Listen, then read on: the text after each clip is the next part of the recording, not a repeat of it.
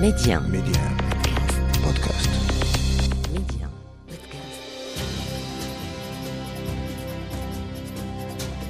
نبدأ إذا كالعادة من حيث توقفنا حيث تطرقنا إلى أحداث الجزائر وكيف عشتها وإجراء الجولة الأولى من أول انتخابات تشريعية تعددية في تاريخ البلاد. حققت فيها الجبهة الإسلامية للإنقاذ بزعامة عباس مدني فوزا كبيرا أنذر بالشيء الكثير. يتدخل بعدها الجيش لإلغاء الانتخابات ووقف المسار الانتخابي إلى أجل غير مسمى. وتم تبرير هذا القرار عبر مخرج دستوري يتمثل في تقديم الرئيس الراحل الشاذلي بن جديد استقالته. وتم إعداد رسالة الاستقالة ليقرأ بعض سطورها كئيبا على شاشة التلفزيون وقال أنه لا يستطيع البقاء في المنصب. وقد فاجأ هذا القرار الجميع لكون الشاذلي أعلن قبل أسابيع أمام حشد من الصحفيين الجزائريين والأجانب أنه يقبل نتيجة الانتخابات مهما كانت وأنه مستعد للبقاء رئيسا متعايشا مع برلمان من أغلبية الجبهة.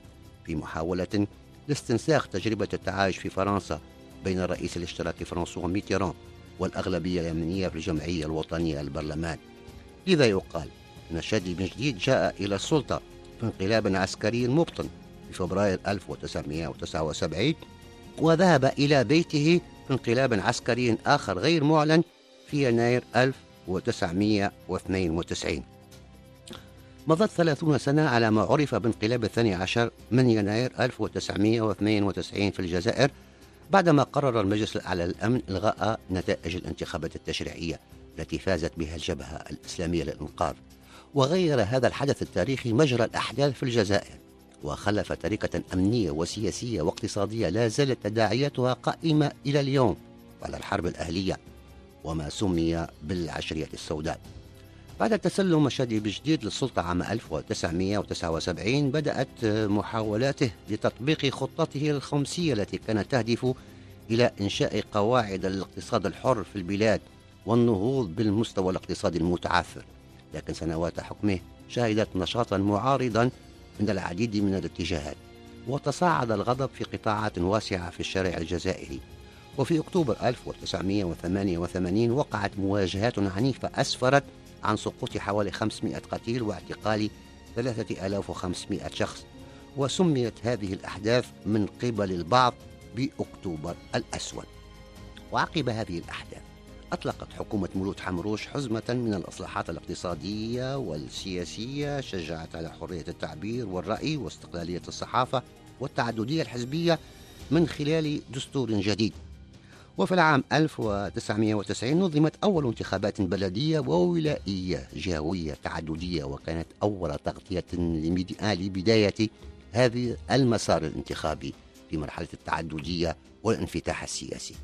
وأسفرت نتائجها عن فوز ساحق للجبهة الإسلامية للإنقاذ على حساب عدة أحزاب منها الحزب التاريخي الوحيد الحاكم سابقا جبهة التحرير الوطني وحصل الفيس على أكثر من 950 مجلس بلدي من أصل 1539 بلدية و32 مجلس ولائي من أصل 48 وبعد صدور نتائج هذه الانتخابات المحلية أجرت الحكومة تعديلات على القانون الانتخابي وكانت هذه التعديلات في صالح الحزب الحاكم فأدى هذا إلى دعوة الجبهة الإسلامية الإنقاذ إلى إضراب عام.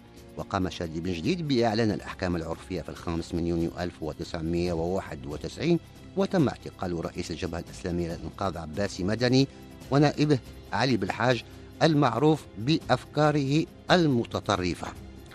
ونظمت التشريعيات السادس والعشرين من ديسمبر 1991 وفازت في الجولة الأولى الجبهة الإسلامية للإنقاذ ب 188 مقعدا بنسبة تمثل 82% من مقاعد المجلس الوطني الشعبي مقابل 25 مقعدا لجبهة القوى الاشتراكية بزعامة الحسين أيد أحمد و15 مقعدا فقط لحزب جبهة التحرير الوطني بقيادة عبد الحميد مهري الذي أصيب بالظهور لهذه النتيجة رغم التعديلات التي أدخلت على قانون الانتخابات.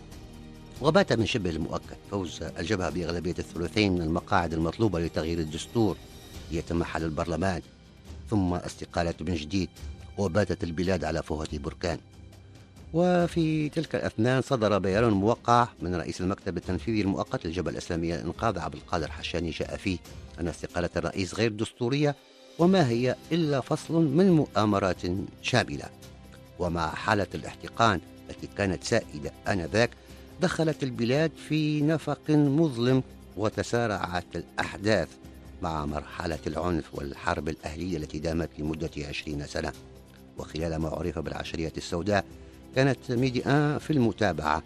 وعند اختطاف رهبان تبحرين كانت ميديا قناة التواصل بين الخاطفين والسلطات وهو ما سنعود إليه في لقاء قادم.